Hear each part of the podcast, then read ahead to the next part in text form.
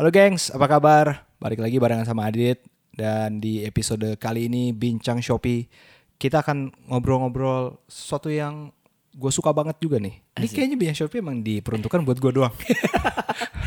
Bincang- Minggu lalu eh, teman-teman gue yang gue undang. Oke. Minggu ini eh, isunya gue suka banget. Oke. Udah ada suaranya. Boleh, nggak apa-apa. Oke. Tapi silakan lo semua tebak deh kira-kira siapakah orang ini. Em, yang jelas kalau misalnya kita mau ngomongin kisi-kisinya nih, Hmm. di tengah era teknologi sekarang ini yang sudah semakin cepat, rasa-rasanya kita semua harus selalu berlari. Bener gak sih? Betul. Betul ya? Betul. Langsung aja gue perkenalkan kali ya. Itu sebagai monolog pembuka gue dan em, tamu gue pada episode kali ini adalah Doni Zola. Yoi. Selamat datang di Bincang Shopee Doni Zola. Ya, thank you. Makasih udah diundang nih. Udah. Eh, luar biasa juga sih. Eh, AC-nya dingin. gue biasanya kalau podcast nggak terlalu dingin-dingin banget soalnya. Oh, enak kan kalau Eh, dingin? Makanya gue bawa jaket. Oke, good. Gak kelihatan lo tau kan kalau di podcast suara doang. Oh gitu ya? Iya. Eh, tapi kisut sini. Agak kisut. Doni Zola ini bukan sepupunya Zumi Zola, Bukan. tapi dia ini pelatih futsal. Lo semua udah pada tau lah, Fapas Mataram. Lo pernah latih sana ya? Ya, gue pernah ngelatih Famas Mataram 2013 sampai 2014. sebelum sebelum era masuk liga profesional. Oh, Saat itu soalnya lagi PSSI yang pergeseran, jadi liga futsalnya stop. oke. Eh, apa nggak nggak digulirkan. Persija futsal juga pernah Persija kan? futsal gue tahun 2015. Itu gue yang lolosin dari eh, playoff eh, promosi degradasi. Kok sombong? Iya, soalnya gue emang kalau habis sholat Jumat suka gitu. Jadi biar balance. Tadi gue habis ngambil pahala, sekarang gue agak sedikit ngurangin pahala.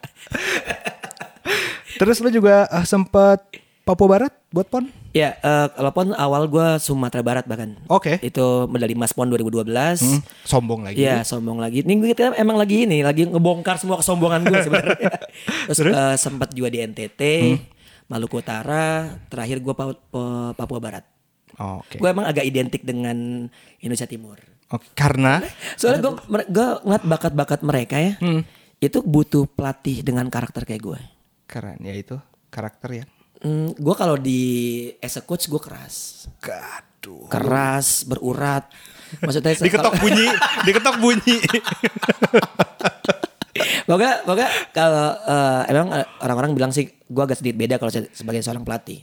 Keren. Tapi kalau sekarang santai-santai dong. Lu jangan marahin gua. Oh, enggak, Aku gua. cuma mau wawancara-wawancara doang. ya kalau nggak ada makanan gue marah lah. Masalah perut soalnya. Udah kan tadi? udah, udah, Udah, udah, udah. Aman Dioma tadi pakai duit sendiri. Reimburse mantar mah. eh bentar Don, gua gua mau nanya dulu. Zola lo ini berarti dari Gianfranco Zola. Iya, iya, gue suka banget sama Gianfranco Zola dari zaman dia di Parma. Aduh, old school banget. Iya, iya, gue dulu zamannya di RCTI ya nonton. Iya, iya. gue pertama kali ngeliat tuh eh, Parma lawan Cremonese. Hmm? Eh, Gianfranco Zola tuh nyetak gol sama seperti saat gue nyetak gol di sore harinya. Sombong lagi Iya, saudara-saudara gitu. Jadi biasa. kayaknya Gianfranco Zola nonton gue kali.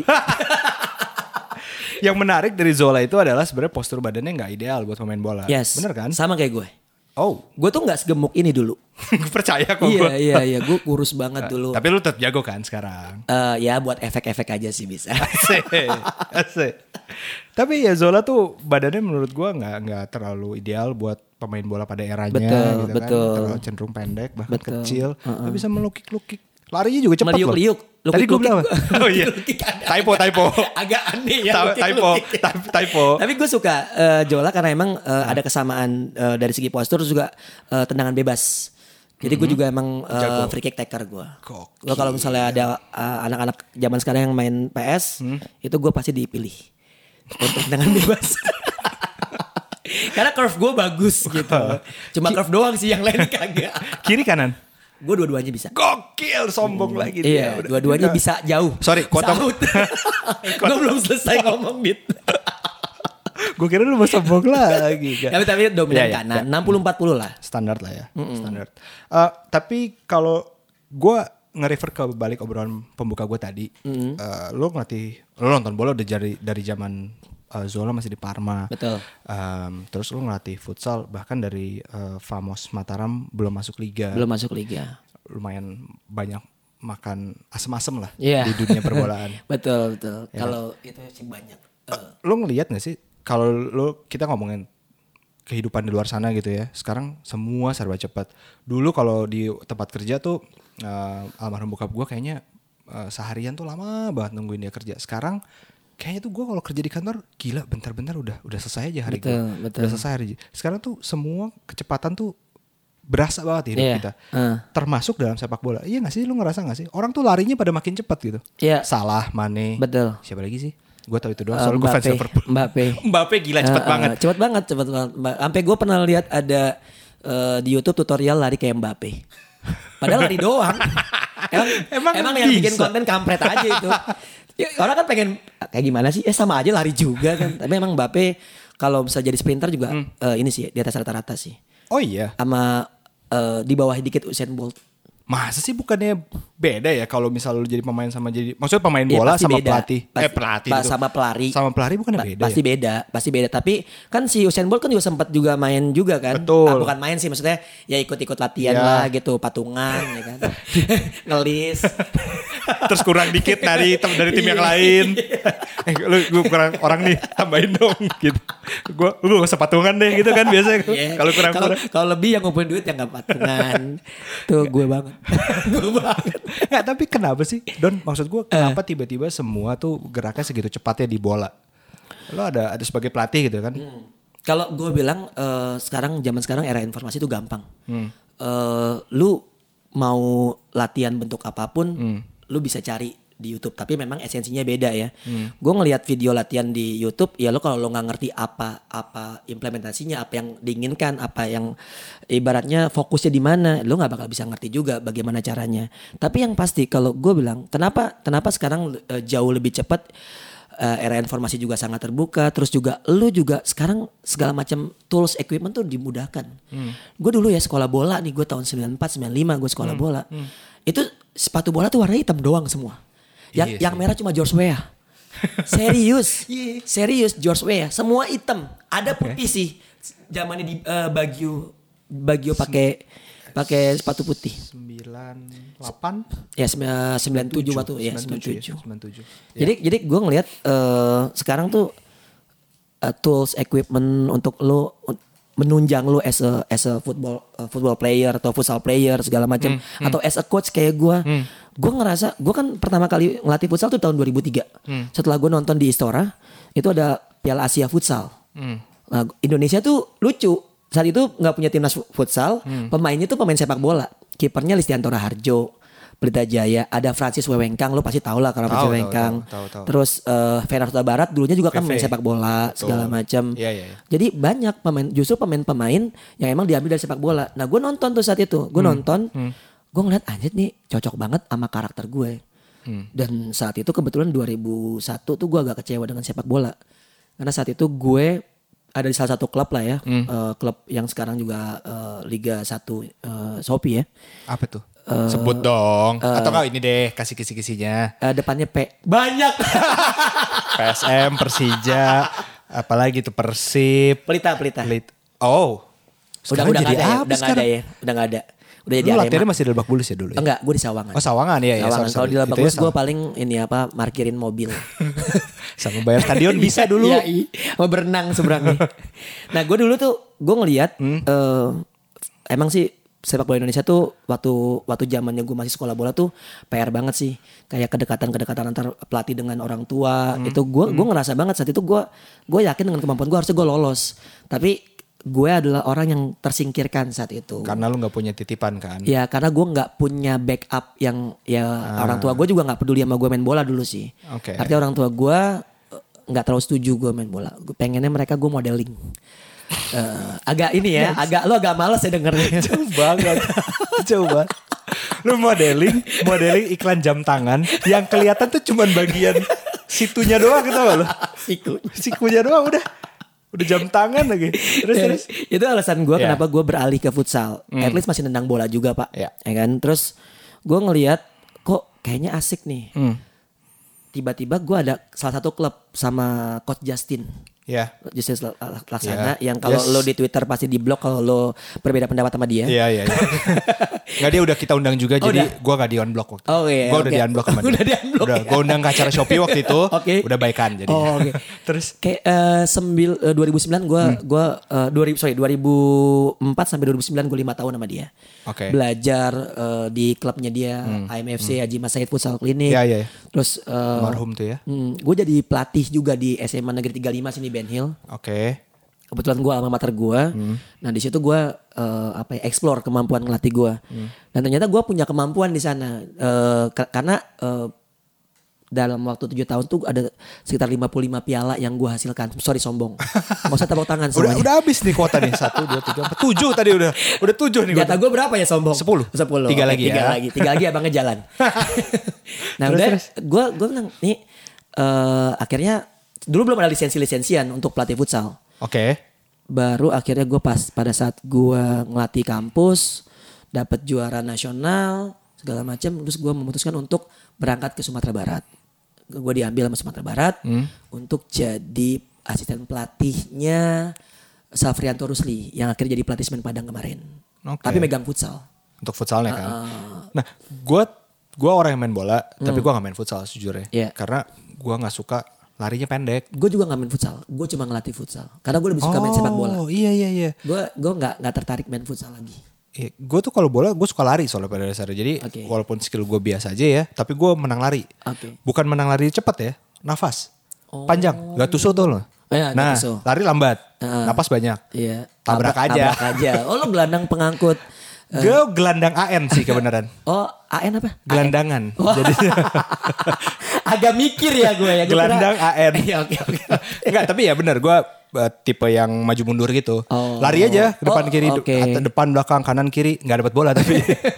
Oh lo rajin ya. Rajin aja, Ya, rajin, tipe rajin. ya. Cuma itu aja. Kalau di kelas lo banyak nyatet gitu ya. Betul. Nggak duduk di belakang. Betul, ujian nol tetap. Ujian Tetap tetap juga.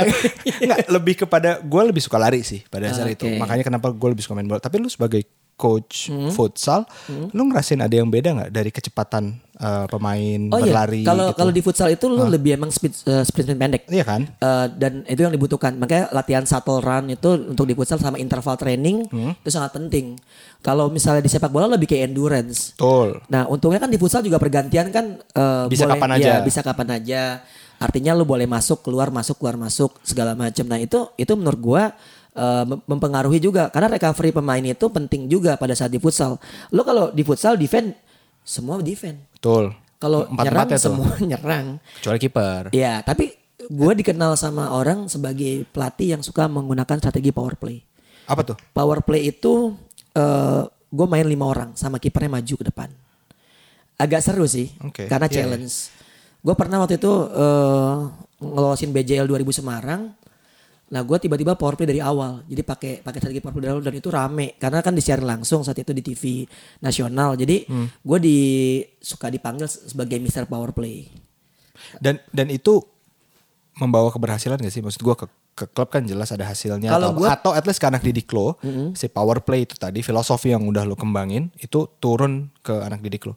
Sebetulnya ya, gue bilang strategi power play Hmm. yang tidak dilatih itu 99% bakal gagal.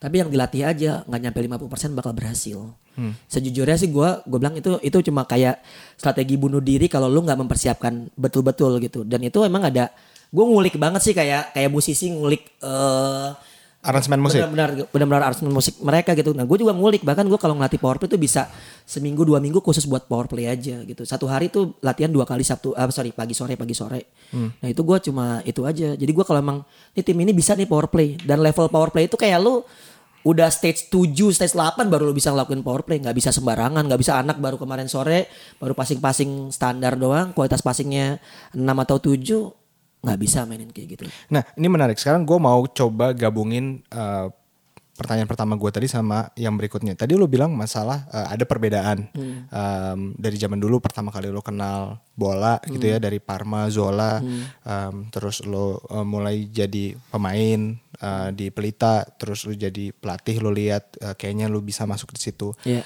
Secara mentalitas lo kan udah bermain dengan range usia yang lumayan lebar nih. Betul. Iya dong.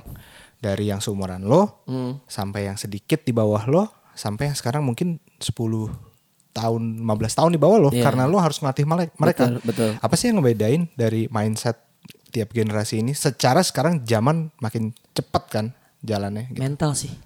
Gue ngeliat mental pemain-pemain dulu lebih struggle. Karena gue perhatiin kalau anak-anak sekarang nih gue ngelatih lagi nih sekarang nih. Ngelatih ada ada sekolah putri gue ngelatih juga eh, international school sih emang. Tapi gue ngelihatnya kayak zaman sekarang tuh beda sama sama, sama saat gue awal ngelatih. Mereka tuh gue ajak eh, wah ini jadwalnya pas jam sekolah cabut ya cabut cabut mereka semua gitu benar-benar yang Lah, mentalnya malah buruk. Bukan, dong. bukan, bukan. Maksud gue, maksud gue bukan mental mental itunya itu, itu emang emang, emang eh, negatif way ya. Tapi maksud Iya, gue iya, gitu, mereka tuh siap mengorbankan apa pun untuk eh, meraih kayak lu, gue pengen, gue emang, emang cintanya di di di futsal gitu. Gue juga kalau bisa bicara buruk, gue tuh buruk banget dari segi eh apa ya? eh gue kuliah gagal karena futsal, karena gue milih futsal. Oke. Gue Tapi kan sekarang lo jadi mata pencarian lo. gue hidup dari gue bisa menghidupi futsal Iya. juga itu sih gue gue gue menganggap bahwa teman-teman gue tuh cuma as a coach mereka cuma hidup dari ngelatih Hmm. kalau gue hidup dari futsal gue punya website gue punya startup futsal Hmm. gue punya bisnis futsal Tiga nih udah sombongnya nih Iya. yang sekarang. Tiga sama tujuh. Sepuluh habis sudah kuota lo. Habis. gue bisa top up nggak Bisa pakai Shopee Pay. Tapi tapi memang memang gitu. Gua gua nganggap bahwa nggak bisa. Selama ini gua kalau ada beberapa brand ke gue Hmm. jatuhnya kok gue kayak cuma dimanfaatin doang gitu. Hmm. Kenapa gua nggak bikin brand sendiri? Oke. Gue bikin brand. Gue juga masih brand ambassador eh, ini sih. Tambah satu tuh. Iya. Satu tuh. Se- 10 plus ya. Canda. Ah, jadi mental yang menurut lo yang menurut lo beda banget tuh mental ya. Mental. Mental ya. Oke. Pengaruh nggak faktor eksternal? Meaning eh, industri di luar sana yang mendukung bola. Contoh ya. Hmm. Contoh. Dua tahun lalu eh, perusahaan teknologi men- mendukung sepak bola Indonesia. Oke. Dua tuh. Ah. Dari yang satu traveling, yang Iya. satu transportasi. Iya. Tahun lalu Shopee Iya, Liga 1. Tahun ini Shopee, Shopee lagi. lagi. Emang Ya. iya, udah. Udah udah gue udah denger. Dengar dari mana orang? Orang dalam gue. Buset gue. Gue kan bokap gue dulu almarhum kan orang kecamatan. Pencatat pencatat akta segala macam tahu ya. Jadi aman.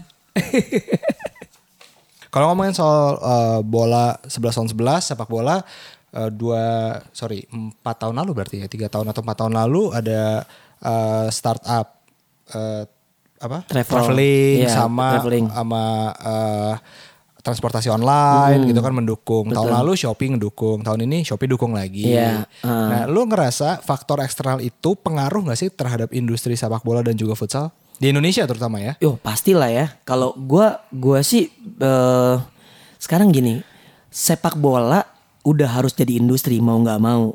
Kalau kita kalau kita nggak nggak apa ya nggak nggak terbuka dengan hal seperti itu, ya kita udah ketinggalan jauh banget.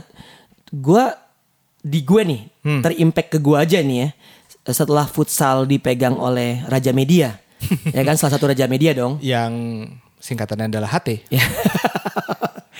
Boleh Ya, dong. Boleh. Boleh. Eh, jadi jadi gue ngelihatnya impactnya ke semua. Bagus loh. Semua elemen bagus. Bagus.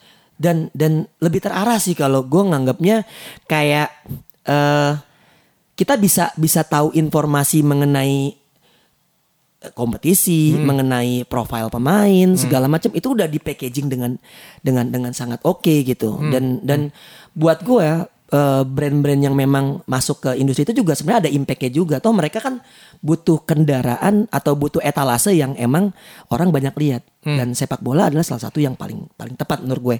Di luar prestasi Indonesia se- eh, sepak bolanya masih Ya. belum belum bisa kita banggakan, tapi sebenarnya gue sih menganggap kita tuh bukan negara sepak bola sebenarnya, kita negara supporter. Kalau gue ngeliatnya, karena menarik nih karena gue bilang kita itu kalau buat ngedukung gila lah.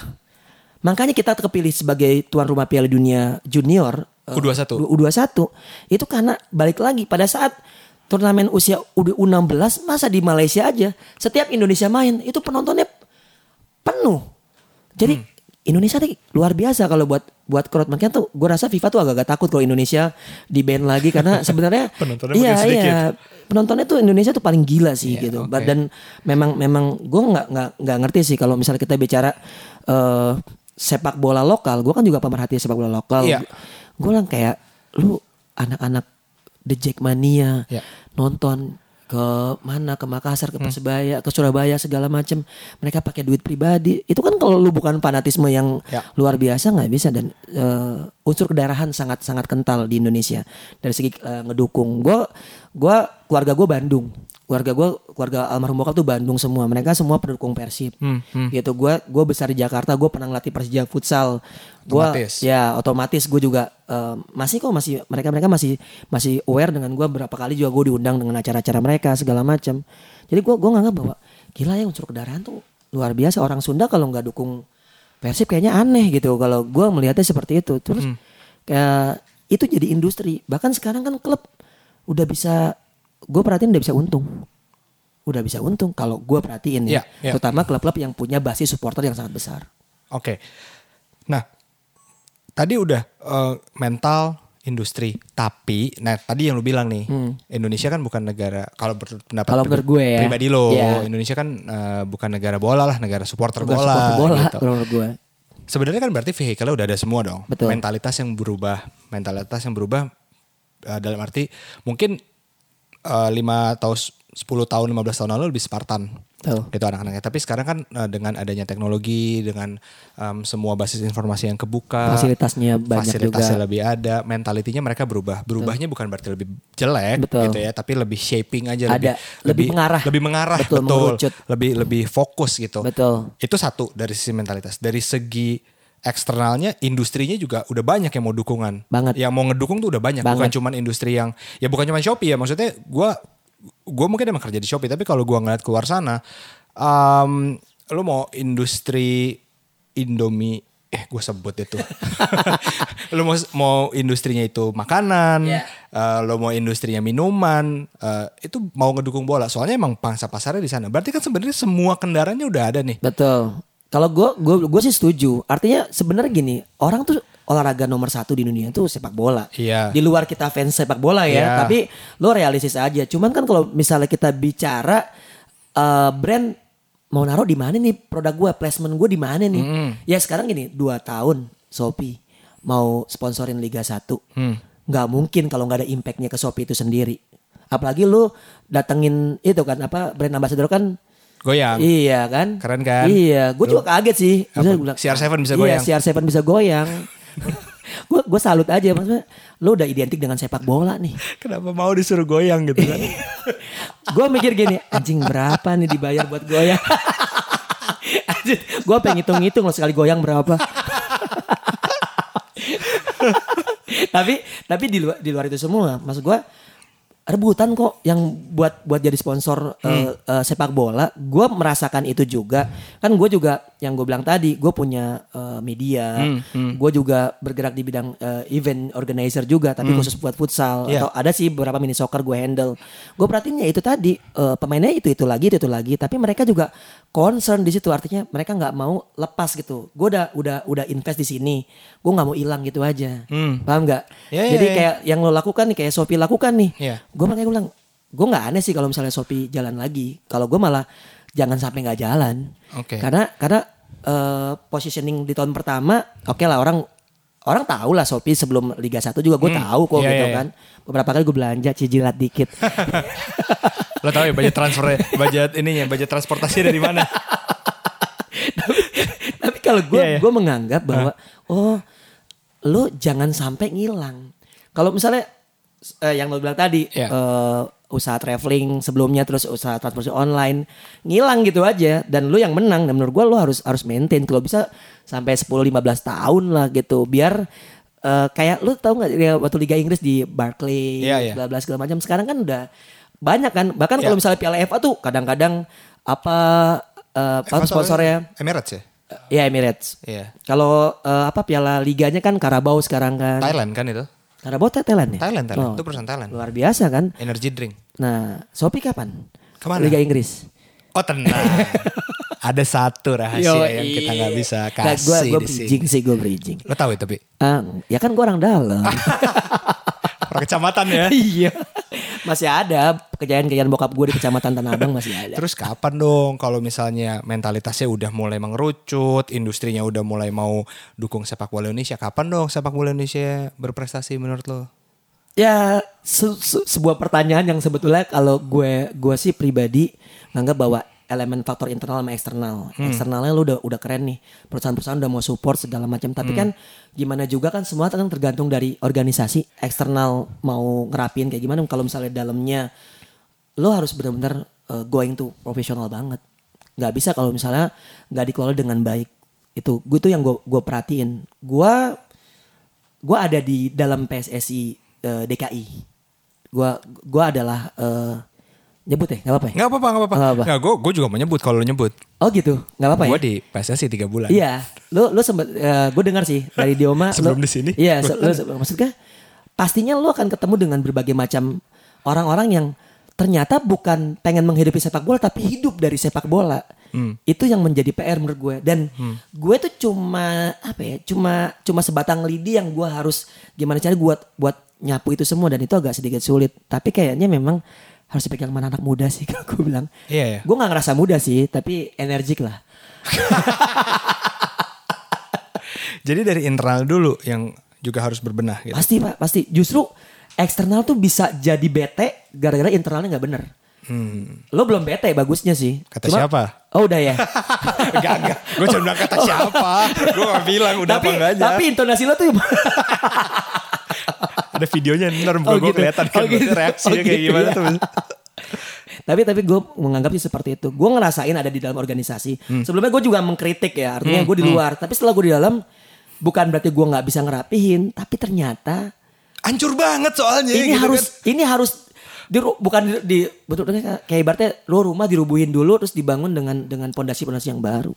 Harus diruat cuy. Iya, iya, gue benar-benar di Rukyah, benar-benar tuh kayaknya tuh harus keluar tuh Ning- Ningsi Pinampi ya. Siapa? Gue gue benar-benar gue eh amazed tapi in negative way gitu. Artinya anjrit pantesan nggak jalan bener orang dia pengen hidup dari sini.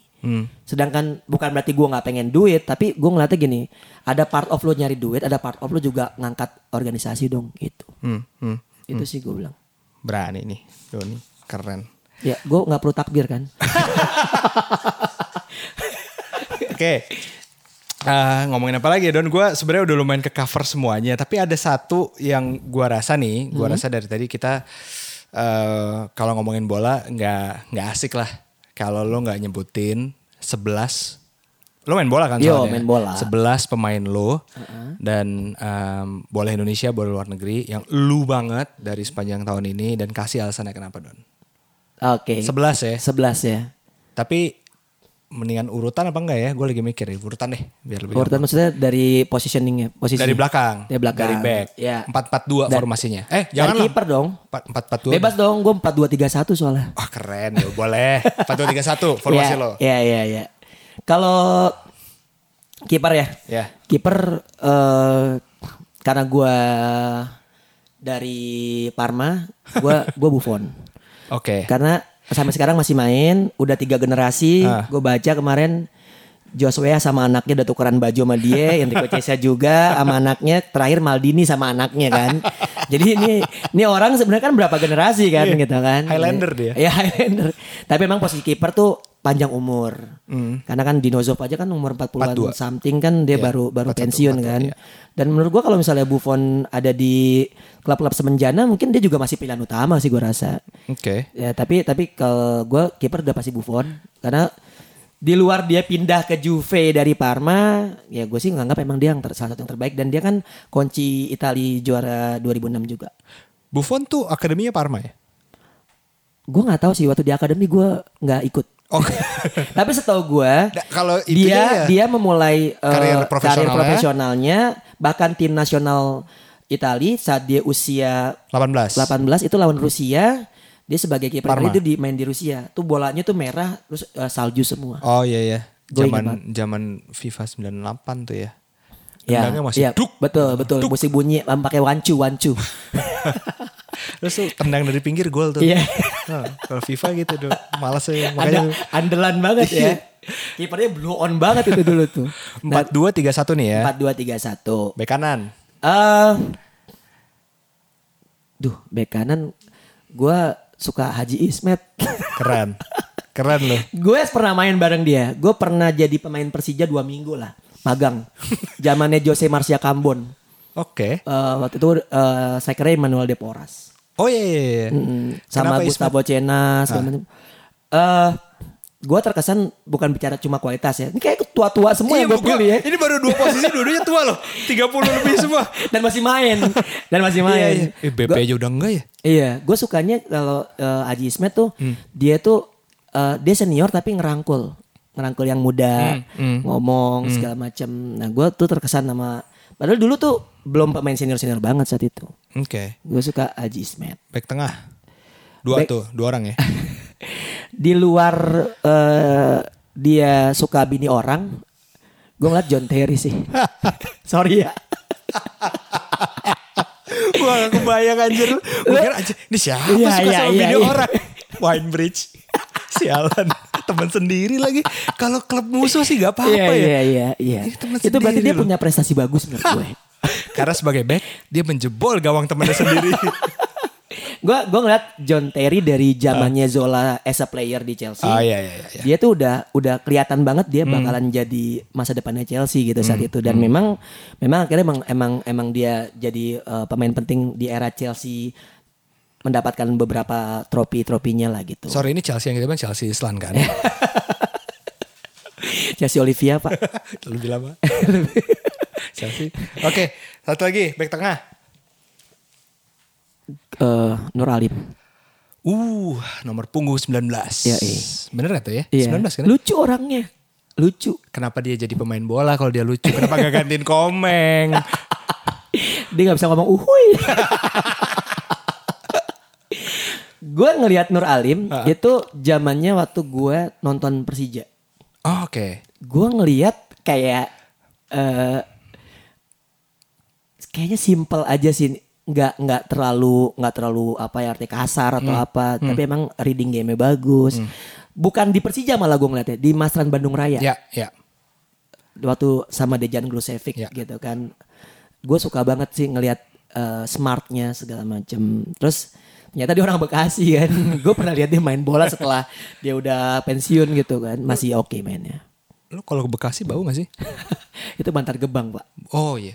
Oh gue kan Bekasi kepanjangan bekas kandang sapi. Wah agak kepanjangan ya.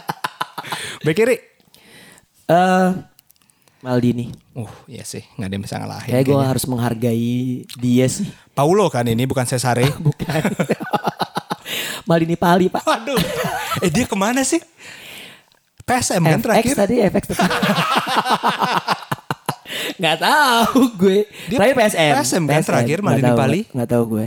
Dulu jago kayaknya. Dia Indra Safri banget kan dulu Dia kan. sangkatannya Evan Dimas kan? Evan Dimas. Iya, iya, ke mana ya dia? Iya. Sebenarnya gue kalau suka tuh dulu Paulo si Tanggang. Ya. Oh gue suka lagunya yang Maria tuh pak. Hah? Lo tahu? Siapa yang si Tanggang dulu penyanyi? Oh sorry. Bukan, itu gak ada yang tahu gila. Anak-anak kecil Saya tahu gini. Maria. Akhirnya tuh. Sorry sorry gue jadul. salah. Anjing gak ada yang tahu. Gak ada yang Lo gak ada yang tahu ya? Ini 20-an semua umurnya. Buset, gue 19. 19 tahun yang lalu lu 19. 19 rekaat. Ya, eh gue Maldini lah. Maldini ya. Kiri lah. Kiri Maldini. Eh, dua holding midfielder. Kante, Uh, susah tuh dikalahin. anak baik. Iya. Gak enak kalau dikalahin juga kayak kasihan. Rajin ibadah. Benar. Terus kalau misalnya bulan puasa juga suka ngumpulin buku catatan sama buat ustadz kan tuh ceramah kan. Gue salut sih sama Kante. Maksud gue gini, dia nggak emosional. Hmm. Padahal sejujurnya biasanya tuh gelandang-gelandang bertahan itu lo jahil atau apalah Hmm. minimal lo keras atau apa dia kagak. Gue rasa salah satu pembelian terbaik eh, Chelsea di 10 tahun terakhir gitu ya itu salah satunya Kante. Oke. Dia dibeli murah pak. Murah lah. Iya, cuma Dari Leicester. berapa lah gitu sama Dari bis- Leicester, biskuit kan? Kongwan. Di barter. Pokoknya dari Leicester, abis Leicester juara, terus dia Iya. bisa bawa Chelsea juara Iya, juga. langsung lagi kan, back to dan back. Hmm. back to back. Dan gue salut aja sih sama dia. Dan yang sebenarnya gini, attitude sih. Iya, gue ngeliat attitude. Eh, karena sehebat apa pun pemain, kalau attitude kurang gue nggak nggak suka. Hmm. Chelsea doang, eh siapa Terry doang gue suka. Karena gue, ya attitude di luarnya tuh bangsat emang. Gue kesel, eh ngomong apa apa ngomong bangsat ya? Bangsat, bangsat, bangsat. Nanti dia edit yang itu. Jangan tiga kali, sekali gak apa-apa. tapi tapi Terry gue nganggap ya Ya. emang leadership aja walaupun pada saat juara Liga Champion dia maksain pakai jersey gue ketawain sih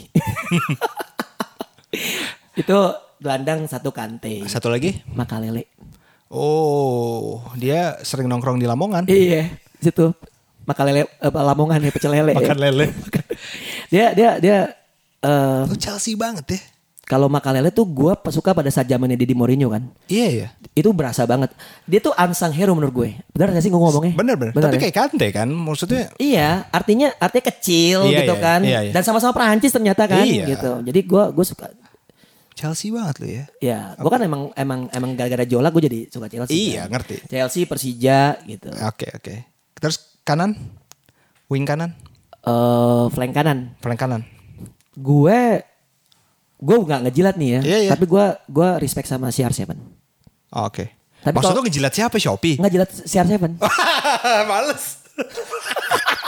eh ada video ya gue gini. Gak apa-apa lah ya. Bonus. Bonus. gue suka CR7 karena gini. Menurut gue dia bukan bakat, dia kerja keras. Betul. Gue setuju Kalau misalnya orang-orang comparison dia sama Messi, dia sama Messi, Messi itu bakat. Betul. Messi itu udah udah betul-betul talented lah gitu. Kalau CR7 sampai sekarang umur dia 35. 35. Beda sama gue 3 tahun. Oh, malu se- seumuran dia? Seumuran gua. Oh, SD-nya bareng? Bareng. Wow, dia swasta. Ya, enggak enggak sama-sama sekelas. Habis itu enggak naik dia, pindah. Anak veteran. Pindah naik tapi. Udah naik. Oh gitu. Orang tuanya ada orang dalam. nah, gue ngeliat CR7 ini eh, walaupun dia nggak pernah ada di klub yang yang emang emang apa gue gue sukai, tapi menurut gue dia memang pekerja keras dan di usia dia sekarang 35 dia masih bisa bersaing dengan pemain-pemain yang jauh sih di bawah Ya, dia. ya. Gue salut sih. Apalagi ngebaca eh, kesehariannya dia gitu kan. Ya pagi ngantar anak. Itu gue. gue salut sih, salut Iya. dengan apa yang dilakukan untuk ngejaga kondisinya di umur yang sebetulnya untuk ukuran eh, gelandang serang agak sedikit eh, udah tua lah. Iya. Lu kebayang kan 35 komitmennya sama sepak bola dan disuruh joget lagi sama Shopee. Itu sih yang gue gak habis pikir. Cuma Sophie yang bisa bikin dia joget gue rasa. Di tengah nih, AM, attacking midfield. Zola. Zola gak ada yang ngalahin. Nggak ada yang ngalahin. Nama lo aja udah Doni Zola. Iya, itu nama panggung gue pak. Iya. Mm, makanya gue ulang nggak bisa. Gue pernah ketemu sama dia. Gue pernah. Baru-baru ini kan? Eh, bukan yang sekarang. eh sekitar satu atau dua tahun, dua tahun lalu. Oke. eh di dekat-dekat sini gedung Iya, iya, sini iya, waktu iya, itu Zola datang tapi pa- cabut lagi karena waktu itu Salke eh, apa siapa yang botak di Matteo diangkat jadi pelatih Chelsea Oh. untuk yang ngegantiin itu kan Iya, nah, akhirnya jadi juara Liga Champions nah itu gue tenis football lawan dia Oke. eh adik gue juga suka eh, Chelsea. Chelsea, Ah. anaknya dinamain Zola sama dia. Gue kalah cepet karena dia nikah duluan. Iya. Nah, gue bilang, ih Zola datang, gila gue kayak ngeliat Nabi. gue bilang, anjir gue sepantar pak, Iya ya. sepantar gitu. Maksudnya tingginya tuh nggak emang pendek Zola kan. 168. Terus ya gue main main tenis football, eh gue sama Zola, adik gue sama Dennis Wise. Oke. Nah, terus diganti gua sama adik gua lawan Zola sama Zola. Dennis Wise. Dan itu gua gue nggak nggak tahu deh gue saat itu benar-benar yang anjing gue akhirnya kesampaian nggak cuma ketemu sama Zola tapi juga bisa main bola bareng gitu itu itu gokil sih Kiri. gue walaupun dia nggak lama di Chelsea tapi gue suka Arjen Robben Oh ya. karena gue juga Belanda juga sih Gokil. Tapi dia bukan di kanan ya. Jadi dia cut inside gitu terus langsung tendangan melengkung. sebenarnya terserah gue sih Boleh, boleh. sorry, sorry, sorry. Sorry di tim lo ya. Sorry, sorry, sorry, sorry. Iya bener juga sih. Arjen Robben. Arjen, Arjen tapi sekali-kali gue pindah sih sama CR7 Iya, kalau mereka iya. mau Ah, ah.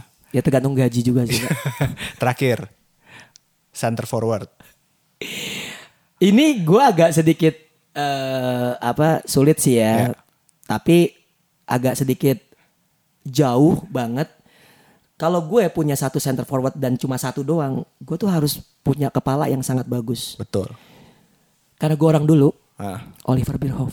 Aduh gokil. Orang nggak bakal nyangka gue milih dia, Hmm. karena ini kepalanya kayak kaki. gue tuh merhatiin dia lagi di Udi- Udinese. Iya, iya, iya. Siapa? Lo tau Udinese kan? Tahu. Sebelah Udin Portal. gue bener-bener tuh dia pindah ke AC Milan, gue sih nggak nggak nggak misalnya sama Milan sih biasa-biasa aja, Hmm. Kan iya. Milan kayak suka sama gue. Terus terus gue lihat anjir nih orang dan di Jerman pun Iya. sangat oke. Oke. Gue bilang Bierhoff ini mau untuk mengakomodir ya. Artinya gue harus ada crossing-crossing Ya. ciamik-ciamiknya tuh harus harus ada goal getter yang emang kepalanya bagus bagus. Lo tau kenapa Bierhoff jago nyundul bola? Enggak Minumnya dong. apa? Bir. Uh, bir Bierhoff. Nggak lucu ya. ya udah gue gue nyampe nih. Oke